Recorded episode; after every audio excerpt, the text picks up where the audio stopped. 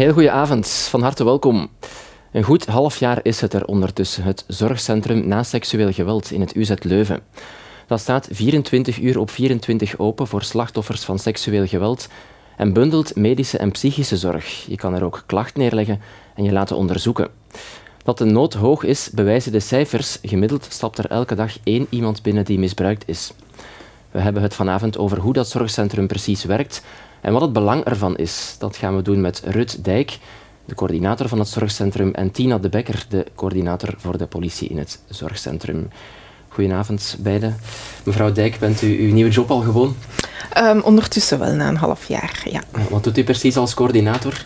Um, ik ben een beetje het equivalent van een hoofdverpleegkundige binnen het ziekenhuis. En dan heb ik ook nog wat de coördinatie op mij genomen tussen parket en politie en het Instituut voor Gelijkheid van Vrouwen en Mannen. Nou, u stuurt het team een beetje aan, dus ik stuur het is een groot team, dat daar werkt? Um, 13 verpleegkundigen, drie psychologen en nog een administratieve medewerker. Ja, mevrouw uh, De Bekker, het is nog maar een half jaar open, maar u bent wel verhuisd in dat half jaar. Waarom was dat? Ja, klopt. We zijn gestart uh, op een iets oudere locatie in het ziekenhuis, uh, in het UZ, omdat de nieuwe locatie nabij de spoedafdeling nog, niet, uh, nog niet klaar was. die was nog in, in volle opbouw. op 19 januari hebben we dan, zijn we dan kunnen verhuizen naar de nieuwe locatie nabij de spoedafdeling. En waarom was dat zo belangrijk om kort bij de spoed te komen? Het is belangrijk dat slachtoffers um, ja, via de kortst mogelijke weg het ziekenhuis kunnen bereiken. Um, ook het model van het zorgstelsel centrum uh, schrijft ook voor dat de locatie nabij de spoedafdeling moet ingericht worden in een, in een ziekenhuis. Ja, het is een, een stapje beter. Dus mevrouw Dijk, we hoorden het zo net, één aanmelding per dag, zei ik. Dat is niet weinig, maar hoeveel blijft er onder de radar? Is daar zicht op? Ja, we weten dat dit maar het topje van de ijsberg is, de aanmeldingen die dat bij ons komen. Um, jammer genoeg gaan we, allee, weten we nu maar dat dat over een paar procenten gaan die dat zich bij ons aanmelden. Dus uh, het grootste deel, het grootste deel uh, blijft nog onbekend. En het is echt een heel beperkte hoeveelheid ja. die een melding komt maken. Ja, sowieso. Ja, ja, we gaan meteen eens kijken trouwens hoe dat nieuwe zorgcentrum eruit ziet. Hè, want eerder deze week is een van de collega's bij jullie langs geweest.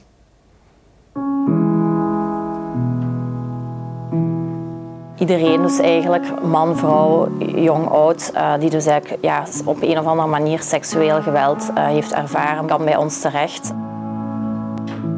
Het zorgcentrum na seksueel geweld van het UZ Gasthuisberg. Elke dag komen hier mensen langs die het slachtoffer zijn van fysiek seksueel geweld, van aanranding tot verkrachting. Mensen kunnen hier medische zorgen krijgen, maar anderzijds is, het ook het, uh, is er ook het forensisch leuk. Um, dus kunnen wij stalen afnemen en uh, kunnen mensen een klacht indienen of niet. En uh, vroeger um, moesten ze nog naar verschillende plekken, moesten ze en naar het politiekantoor en naar het ziekenhuis. En hier gebeurt dus alles samen. Slachtoffers worden op hun tempo begeleid. Het centrum moet een soort van veilige haven zijn. Seksueel geweld heeft een grote impact op iemands leven, maar de stap zetten om je te laten onderzoeken is cruciaal. Het is eigenlijk best wel zo snel mogelijk komen, omdat we dan eigenlijk nog het meeste uh, ja, DNA vinden of uh, dat we eigenlijk het best mogelijk die stalen kunnen nemen. Volwassen mensen kunnen nog tot um, zes maanden nadien na nadenken of dat ze al dan niet een klacht willen indienen. Maar dan hebben we uh, alleszins eigenlijk de stalen om ja, de dader eigenlijk daarna te kunnen, allee, de politie kan vatten. Bij minderjarige slachtoffers, want die zijn er ook, worden de stalen tot 50 jaar nadien bewaard. Wanneer slachtoffers klachten willen neerleggen, want dat is geen verplichting, worden speciale zedeninspecteurs opgeroepen om het verhoor af te nemen. En dat wordt na toestemming volledig opgenomen. Dat betekent eigenlijk dat ze het niet opnieuw het verhaal moeten vertellen. En dat is wel uh, fijn of belangrijk voor de mensen om te weten dat ze geen uh, tien keer een verhaal opnieuw moeten vertellen. En dan is er nog de nazorg, want ook daarvoor kan je in het zorgcentrum terecht. Wij proberen mensen op te bellen, ook in te lichten over laboresultaten uh, enzovoort. Uh, en dan kunnen ze ook bij de psycholoog komen um, en hebben ze een heel aantal sessies eigenlijk dat ze gratis uh, kunnen komen. En wij als forensisch verpleegkundigen kunnen eigenlijk die nazorg bieden.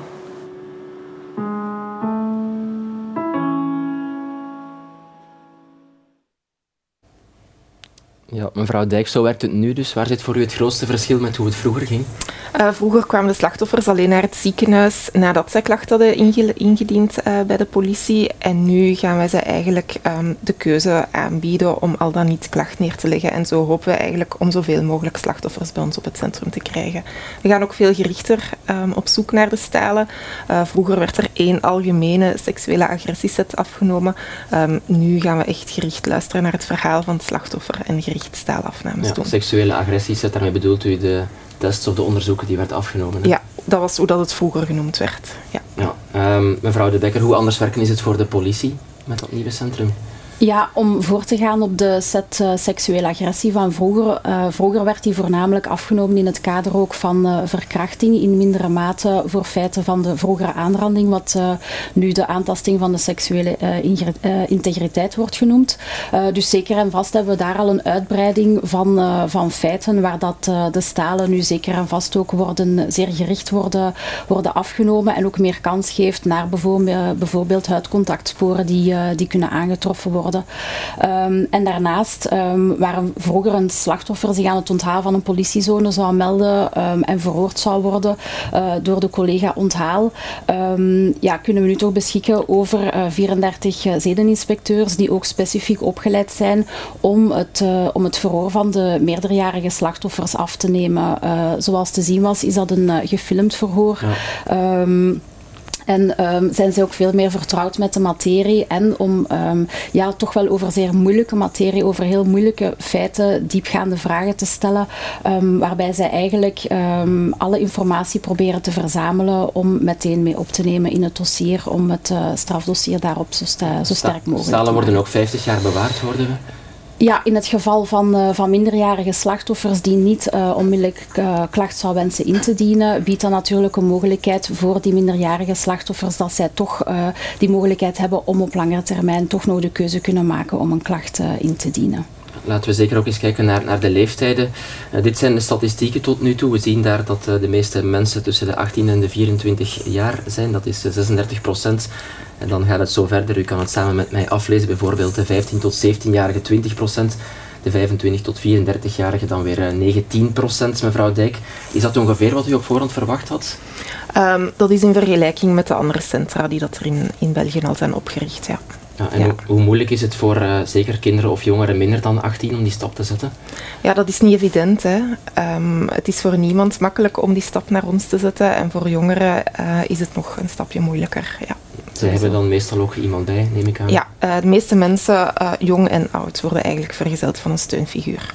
En voor alle duidelijkheid, het gaat niet alleen over meisjes en vrouwen, er zitten ook mannen bij die naar jullie komen. Ja, een kleine 10% is mannelijk. Ja, met gelijkaardige klachten. Ja, ook seksueel geweld. Ja. Ja, ja, ja. Mevrouw De Bekker, laten we ook eens kijken naar het aantal klachten dat wordt ingediend, want dat is toch wel heel belangrijk, denk ik. Um, iets meer dan de helft van de mensen die in het centrum komen, die 42 procent, hebben bij de aanmelding uh, klacht ingediend en dan 12 procent op voorhand. Dat wil dus zeggen dat uh, iets minder dan de helft van de mensen toch ook nog beslist, ik ga geen klacht indienen. Is iets waar jullie met de politie op hameren van probeer dat toch te doen, die een klacht in? Ja, ik denk dat dat uh, ook zeker de stap uh, vooruit moet zijn uh, met ons zorgcentrum en dat is zeker ook een doelstelling op, op langere termijn om daar die cijfers inderdaad omhoog te krijgen. Um, wat dat we nu hebben is wel het vertrouwen in de forensisch verpleegkundigen ook die een intensief case management doen met de slachtoffers, um, waarin dat zij ook de, op, de opvolging garanderen naar het slachtoffer, antwoorden op vragen. Um, dat is ook een beetje mijn, mijn, taak daarin, dat ik ook uh, de vragen die verpleegkundigen krijgen van de slachtoffers, waar zij vanuit het ziekenhuis niet meteen kunnen uh, een antwoord op, uh, op bieden, dat zij die vragen kunnen stellen, zodat we eigenlijk slachtoffers die toch om verschillende redenen um, een, een, een, schuldgevoel, schaamtegevoel, twijfel over het verloop van het strafdossier, dat we daar eigenlijk zo goed mogelijk informatie aan de slachtoffers kunnen bieden om toch inderdaad dat cijfer omhoog te krijgen, um, dat slachtoffers toch zeker die klachten zouden kunnen, kunnen indienen. Ja, want we zagen het daarnet, een vijfde van de mensen die eerst geen klacht indienen, doen het dan achteraf toch nog. Is dat omdat jullie daarop aandringen? Um, ik denk dat het niet kwestie is van aandringen. Ik denk dat sommige slachtoffers zij worden geconfronteerd met, met, met moeilijke uh, omstandigheden, met moeilijke feiten. Um, soms moeten zij ook de zaken een beetje laten bezinken, wat meer informatie krijgen en verzamelen, zodat zij er zelf ook klaar voor zijn om die stap te nemen uh, om over te gaan tot het uh, indienen van die klacht. ik denk dat het ook belangrijk is om die omkadering te bieden aan het slachtoffer, ook die steun te bieden, um, zodat zij ook met, met al die informatie um, ja, goed voorbereid zijn en dan eigenlijk ook ja, meer klaar zijn om net uh, dat verhoor af te leggen bij uh, onze zedeninspecteurs. Ja, mevrouw Dijk, u zei het aan het begin van het gesprek, het is maar een minderheid van de mensen die effectief langskomt bij jullie. Uh, maar 4% ongeveer blijkt uit onderzoek, dient meestal een klacht in. Wat kunnen jullie doen voor iemand die op langere termijn langskomt bij jullie, van wie de feiten al een aantal jaar geleden gebeurd zijn bijvoorbeeld? Ja, iedereen is bij ons welkom om langs te komen. Um, het opvolgtraject ziet er wel anders uit voor, voor die slachtoffers. Uh, wij gaan ze een eenmalig gesprek aanbieden en wij gaan uh, eerder naar heroriëntering en naar doorverwijzing kijken. Um, maar onze psychologen willen ze zeker ook te woord staan. We gaan samen dan met hen op zoek naar uh, passende zorg. Ja, dus iedereen kan langskomen, ook als het uit feiten, over feiten uit het verleden gaat. Ja, ze zullen zeker gehoord worden. Laten we ook eens kijken tenslotte naar um, de relatie met de pleger. Ook daar worden uiteraard statistieken van bijgehouden. Het meest gaat het over een kennis die mensen meer dan 24 uur kennen. 36 procent, dat zien we daar.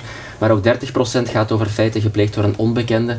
En dan uh, zien we daar bijvoorbeeld dat het lijntje familielid huisgenoot, dat dat over 8 procent gaat. Is dat inderdaad zo dat de meeste van de feiten toch niet in de familiale sfeer zich afspelen? Um, ja, ik denk ook daar dat er zeker nog inspanningen kunnen zijn om die feiten die uh, in de familiale context gebeuren, dat die slachtoffers ook zeker de weg vinden naar, uh, naar het zorgcentrum. Um, en verder um, ja, zijn daar eigenlijk ja, relatie tussen, tussen pleger slachtoffer kan dat, uh, kan dat heel divers zijn. als we kijken ook ja, voor de feiten specifiek op ons grondgebied Leuven dan, zien we ook dat een, een, een, groot aantal van de feiten ook wel, wel uitgaansgerelateerd zijn. natuurlijk, ja, gezien ook de, de stedelijke, stedelijke context.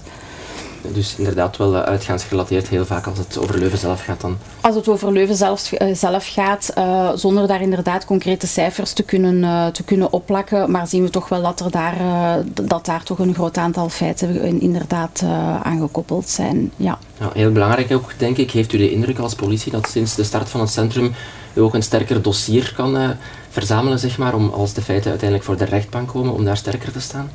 Ja, ik denk dat we daar zeker met die, uh, met die basis uh, bezig zijn. Uh, zoals inderdaad eerder gezegd werd, de, de meer gerichte sporen die worden af, afgenomen, gaan daar zeker in, in bijdragen. Ook het feit dat, dat de sporen ook onmiddellijk worden afgenomen als het slachtoffer zich naar het zorgcentrum begeeft, ondanks het feit of dat zij onmiddellijk of later zouden beslissen om over, om over te gaan tot tot een klacht.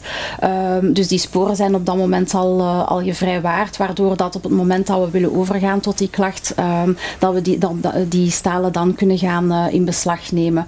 Um, ook het meer gedetailleerde verhoor van het, uh, van het slachtoffer gaat zeker bijdragen dat inderdaad alle informatie aan de basis wordt verzameld, wat dat zeker zijn meerwaarde gaat hebben in de voortgang van het dossier. Tot meer of snellere veroordelingen, laten we daar vanuit gaan dat dat het resultaat is van de die geleverd worden, zeker. Ja, mevrouw eh, Dijk, zijn jullie ook genoeg uitgerust om voldoende nazorg nog te geven? Want iemand dient een klacht in en oké, dan start het dossier, maar wat doen jullie dan de maanden of zelfs jaren nadien nog?